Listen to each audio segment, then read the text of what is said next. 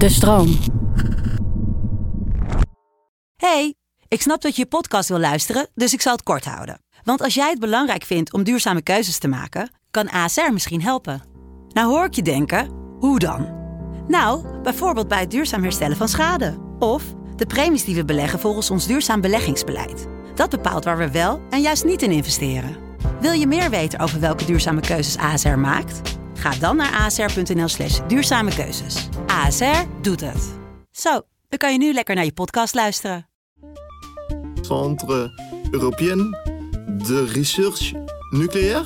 Dat is even een gokje, maar het klinkt heel plausibel. Ga je daarheen op vakantie? Nu misschien wel. Ik had nog niet echt vastomlijnde vakantieplannen, maar het lijkt me eigenlijk wel lachen om, uh, om een keer de tunnel te bekijken daar, de deeltjesversneller.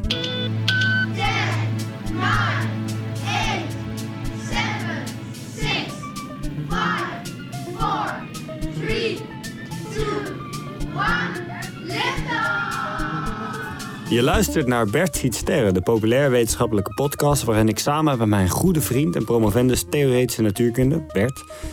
weer een duik neem in de wonderenwereld der natuurkunde. Spreek je deze zin ook nu wel eens gewoon spontaan uit als je 's ochtends wakker wordt of gewoon ergens eh, 's middags op je werk of zo? Of is dit, eh, doe je hem echt maar eh, alleen als we een podcast opnemen? Ehm, dit doe ik alleen als we een podcast opnemen.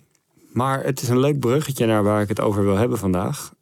Ik vrees dat ik het in de vakantie Ja, wel ehm, af en toe... je moet het ook wel scherp houden hoor. Ja, dat je zegt, eh, wil je wat drinken? Dat je zegt, je luistert naar Bert.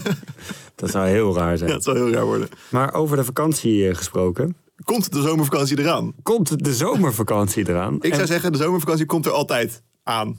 Of hij, is, of hij is bezig. Of hij is bezig, of hij komt er weer aan. Nee, dat is waar. Eh, maar je weet dat ik graag tijdens de zomervakanties naar filosofisch belangrijke plaatsen ga. Mhm. Ehm, zo was, dacht ik naar het graf van Nietzsche geweest te zijn onlangs. Ja, Tim heeft, eh, je hebt gewoon een jaar lang een foto van jezelf naast het graf van Nietzsche als WhatsApp-foto gehad. Totdat iemand je kwam vertellen dat het niet het graf was van Nietzsche, toch? En het was mijn moeder, hè? die weet helemaal niks van Nietzsche. Maar die zei, hé hey, ja, ik, eh, ik zag een boekje, zag ik eh, het graf van Nietzsche. Maar dat is een hele andere foto dan die jij stuurde. Heb je het graf ook gezien? Zo, ja, kijk maar naar die foto, ik sta ernaast, toch? Zo, oh nee, dat is een, een, een, een beeld wat, wat op het kerkhof staat waar die ligt.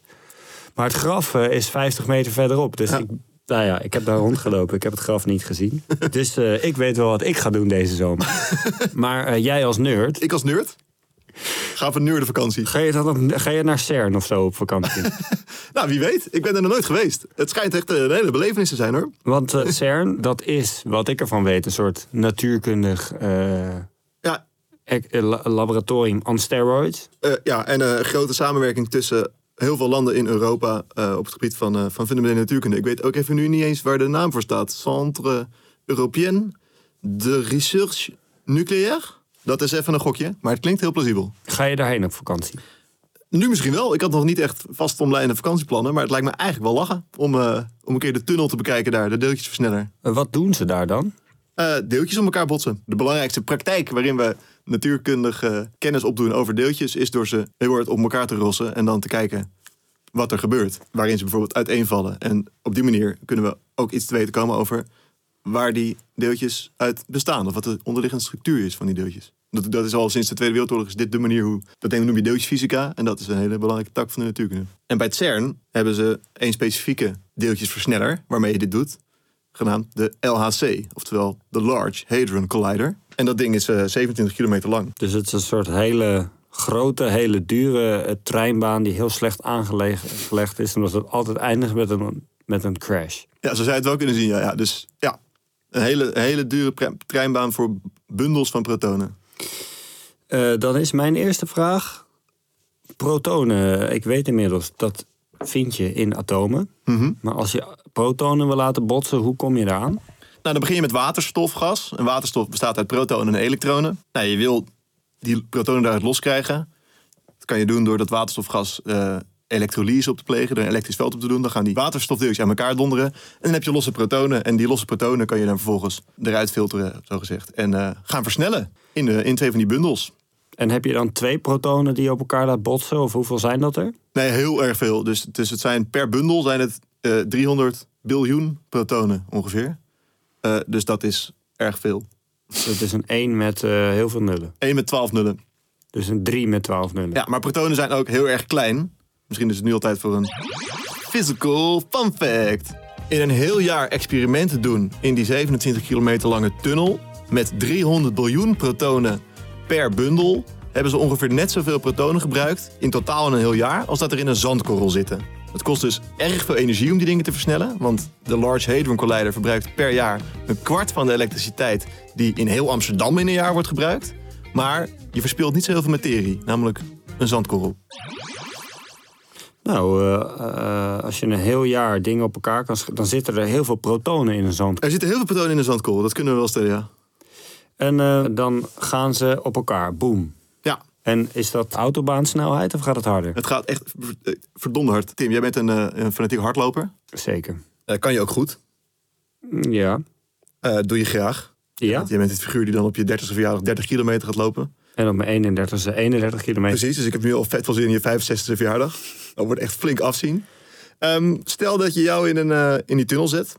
In, eh, in de Large Hadron Collider tunnel van 27 kilometer. Als hij niet gebruikt wordt, zouden we dit een keer kunnen proberen. Jij gaat een rondje lopen door je tunnel. Is die zo groot dat ik daar doorheen kan Het lopen? is, ja, het is een gigantisch ding. Ja, daar kun je wel doorheen lopen. Vet, ja. Eh, en jij gaat een rondje lopen door de 27 kilometer lange Large Hadron Collider. Ja. Hoe lang eh, zou jij het doen over zo'n over zo'n rondje? 27 kilometer? Hoeveel doe je er in een uur?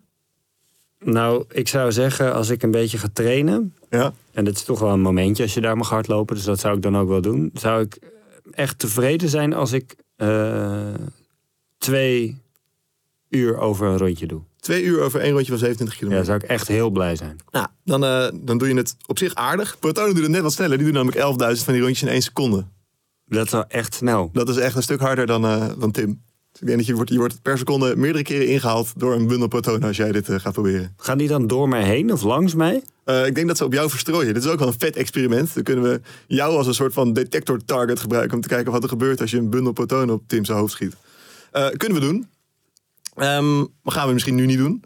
Want bij het CERN doe je die twee, of bij het eh, Large Hadron Collider, knal je die twee bundels protonen op elkaar. Dus je versnelt twee bundels protonen, allebei in tegengestelde richting. En uiteindelijk knal je ze op elkaar. En er is ruimte, zeg maar, dat je kan ze zo sturen dat ze langs elkaar gaan. Ja, en ze gaan dus ook eerst een aantal rondjes langs elkaar. En dan op het moment suprême, dan buig je ze zo af dat ze in een detector, want niet overal in die tunnel staan detectoren die ook de brokstukken van de deeltjesbotsing kunnen opvangen. In een detector buig je ze naar elkaar toe en ros je ze op elkaar. Ehm, hoe krijgen ze die snelheid? Eh, ze versnellen het met elektrische, elektromagnetische velden. Dus een proton heeft een positieve lading. Dus als je op de goede manier een, elektrisch, of een elektromagnetisch veld aanlegt, dan zal die daardoor worden aangetrokken. En het is als het ware alsof je die velden worden met een bepaalde frequentie steeds aan en uitgezet, waardoor je die bundel als het ware steeds vooruit trekt, steeds vooruit zwiept. En op die manier kan je enorme snelheden bereiken. Daarna moet je ze ook nog in toom houden, die bundels, want ze willen natuurlijk, ze gaan niet zomaar in rondjes blijven bewegen. En daarvoor gebruik je enorm sterke elektromagneten. Eh, en die elektromagneten zijn ook nog eens super geleidend. Wat wil betekenen dat elektrische lading er zonder weerstand doorheen kan bewegen. Waardoor het hele goede magneten zijn. En dat is ook wel handig. Want anders dan had die tunnel in plaats van 27 kilometer 100 kilometer moeten worden voor hetzelfde, hetzelfde effect. Supergeleiding is dan weer een eh, technisch probleem bij. Dat kan alleen als het heel koud is. Namelijk min 271 graden Celsius. Eh, dat is echt heel koud. Ik weet niet of ik nog wel zin heb om daar hard te lopen als ik dit zo hoor. Nee, misschien kun je het beter als hij niet aanstaat. Ook als je een horloge om hebt. Ja, Dan gaat het zo tegen de muur door die supermagneten. zeker. Je kan ook niet met je sportswatch lopen. Super snel niks sport. Ja, het wordt, het wordt lastig. Nee, maar wat er wel even aan te geven dat dit, eh, dit, zijn, dit is echt een, een technologisch project van, eh, van heb ik jou daar. Dus hierbij verbleekt het graf van dit, dat wil je eigenlijk maar zeggen. Graf eigenlijk wel. Nietzsche stelt niet zo heel veel voor vergeleken met dit huzarenstukje. Zeker. En het, en het graf dat überhaupt het graf van Nietzsche is, is helemaal eh, peanuts vergeleken met dit. Eh, en dan botsen ze. Dan botsen ze, hatsa. Ehm, nou, ze hebben dus een absurd hoge energie, want ze gaan met, met echt een, bijna de lichtsnelheid. Hebben we het een andere aflevering al een keer over gehad. Het kost enorm veel energie om die dingen Zijn ze heel zwaar. Ja, zo zou je het kunnen zien. Ze worden steeds, het kost enorm veel energie om ze te versnellen. En dan botsen ze. En dan donderen ze uit elkaar in, eh, in heel veel brokstukken. En dat ga je meten. Dat ga je meten, ja.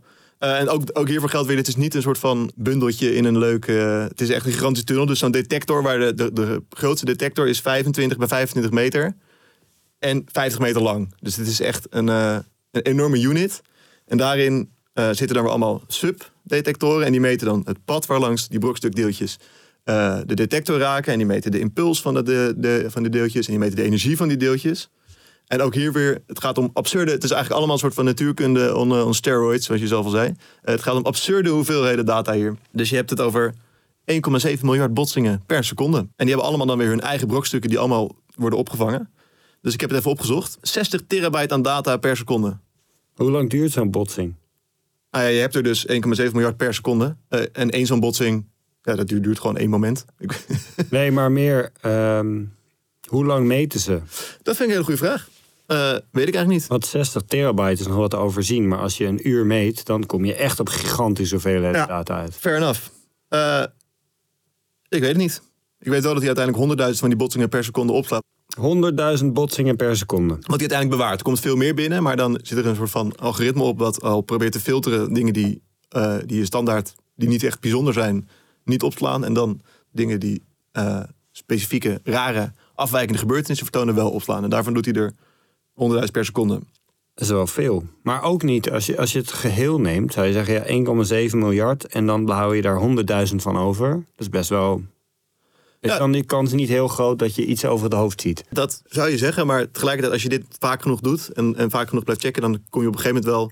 Kijk, je, je neemt wel aan dat bij alle botsingen in principe hetzelfde kan gebeuren. Dus op het moment dat je dit heel vaak blijft doen, net met de steekproef. Ja, dan op een gegeven moment weet je wel, hè, als je opiniepeilen gaat doen, Dus je zeg maar echt een korrel zand aan protonen erin hebt zitten. ja, dan, dan eh, weet je wel echt een beetje van de hoed en de rand. ja, ja dat, dat, zo doe je dan nou eenmaal, Tim. En wat voor deeltjes zijn dat? Waar hebben we het dan over?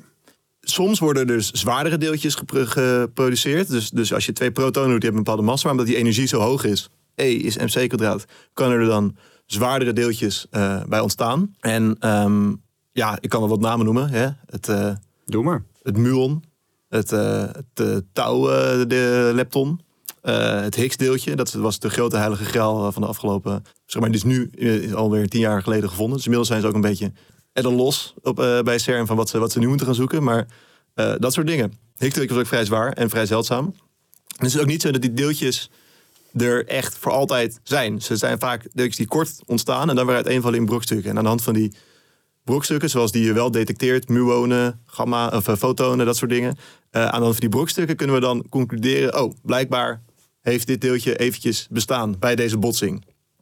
Dus dan weet je weer meer van de deeltjes waaruit wij allemaal Precies. opgebouwd zijn. En, en deeltjes die dus ontstaan als je de energie hoger zou maken dan we hier op dagelijkse schaal meemaken. Ja, want het gebeuren dit soort botsingen in het echt ook ergens? Nou ja, In het heelal? in het heelal ongetwijfeld. eh, maar niet zomaar hier eh, op aarde heb je niet zomaar twee bundels protonen met deze snelheid die op elkaar heen, eh, om elkaar heen jassen. Ehm, dus eigenlijk even heel kort samenvattend. Worden er, dit kost miljarden toch, zo'n project? Ja, het kost echt. Ja, Op zoek naar het Higgs-deeltje. Ja, is- gevonden en nu hebben ze ook geen idee meer. Ja, wel, ze hebben wel ideeën, maar ze zijn nu eh, aan, het, eh, aan het verkennen wat er nog meer kan zijn. Ze willen trouwens ook weer nieuwe, grotere, om nog hogere energie te kunnen bereiken. ik zie Tim kijken, ik denk, jij vindt dit... eh, ik denk vooral dat er niet zoveel gebeurt bij CERN. Dus dat wil ik best in één minuut even dus uitleggen. ik heb nu de mythe eigenlijk flink Ja. gebroken. maar het zijn ook nou, het zijn gigantische teams van mensen en zo. Het is niet zo dat er even Ja, twee dat is ook werkverschaffing bedoel je. zeg maar, je hebt plantsoendienst en dan mensen die te slim zijn om te schoffelen, die, die gaan CERN eh, maatschappelijk werk doen. Nee, is fijn. Goed, eh, maar ik weet dus genoeg van jouw vakantiebestemming Ja, om de lift in te stappen. zeker. Dan start ik mijn Supersonic Sportswatch. Ik zet de timer en ik denk dat dit wel in een minuut gaat lukken. En dan hebben we het over jouw vakantiebestemming CERN. Eh, CERN is een hele grote eh, natuurkundig onderzoeksinstituut op de grens van Zwitserland en Frankrijk. En wat ze daar hebben is een hele grote tunnel van 27 kilometer. En daar schieten ze bundels protonen op elkaar om te kijken wat er gebeurt eh, als, die, als die botsen. En ehm, dat doen ze niet zomaar, maar met een gigantische snelheid, namelijk bijna de lichtsnelheid. En bij die botsing ontstaan heel veel deeltjes. En wel zoveel deeltjes dat je ze eigenlijk niet allemaal kunt opslaan. Want dat is te veel data per seconde die daarbij ontstaat. Dus er gaat eerst nog een soort van filter overheen. En uiteindelijk heb je dan eh, meetgegevens. En daarmee test je of de theorie van de deeltjes die je hebt bedacht in je natuurkundige bovenkamertje. klopt met de natuurkundige praktijk. Eh, hoe test je dan? door het te vergelijken, statistisch gezien. Als je zegt, eh, we hebben deze meetgegevens Ja. en deze theorie. En dat lijkt heel erg op elkaar. En dat moet bijna wel hetzelfde zijn. Dan zeg je, nou, de theorie klopt. Ja, door te simuleren. Dus je doet heel vaak doe je een simulatie van... hey, werkt dit? Eh, eh, wat, gebeurt, wat kan er allemaal gebeuren volgens theorie? En dat match je dan met heel vaak... wat gebeurt er in het echt? En dan schrijf je QED. Precies. En dan ben je klaar. Ga jij ook eh, naar het CERN op vakantie, Tim? Of, eh, Eh, nee, ook ik denk toch dat ik bij het graf van Nietzsche blijf. Ja, ja, ja, dat is een, hele, een hele idyllische plek namelijk, in plaats van een soort tunnel. ja, maar een mooie tunnel. Ehm, heb ik het goed uitgelegd? Ja, ik heb wel, zeg maar, het was wel een beetje selectief. Ik weet niet hoe die protonen, heb hoe die protonen versneld worden. En hoe ze in maakt baan worden gehouden. Maar blijkbaar vond je het allemaal niet, vond je het allemaal niet zo belangrijk. Ehm, zal ik het nog even uitleggen? nou, als, je, als je het nog weet. Eh, protonen worden versneld door middel van elektromagneten. Want eh, protonen die worden aangetrokken door eh, een plus. Want het zijn positief geladen deeltjes. Dus als je die plus de hele tijd vooruit schuift, dan gaan ze erachteraan en dat gaat heel snel. En protonen krijg je door waterstof met, door middel van elektrolyse te scheiden van elektronen. Ja, je doet het wel goed. Maar je zit er een beetje bij als een soort van eh chagrijnige schooljongen... die het allemaal wel Nee. weet, maar het allemaal niet wil leren. Ehm, Maar hè, als je er vervolgens wel je proefwerk haalt, is het ook oké. Precies. Dus eh, we gaan gewoon door naar de volgende aflevering. Dan gaan we het weer over interessante dingen hebben. Eh, dit was Bert Ziet Sterren voor deze week. Yes. Ehm, wil jij nou voorkomen dat de afleveringen verloren gaan in een botsing Met- in een tunnel in Zwitserland? Klik dan even op volgen in je favoriete podcast-app. Dan komen ze gewoon netjes je brievenbus binnen. En vergeet ons niet de recensie te geven. Geef Bert Ziet Sterren sterren. Inderdaad. En weet jij wel interessantere onderwerpen om over te praten? Dan mag je een mailtje sturen naar bertzietsterren.de-stroom.nl. Voor nu hartelijk dank voor het luisteren en tot de volgende ster.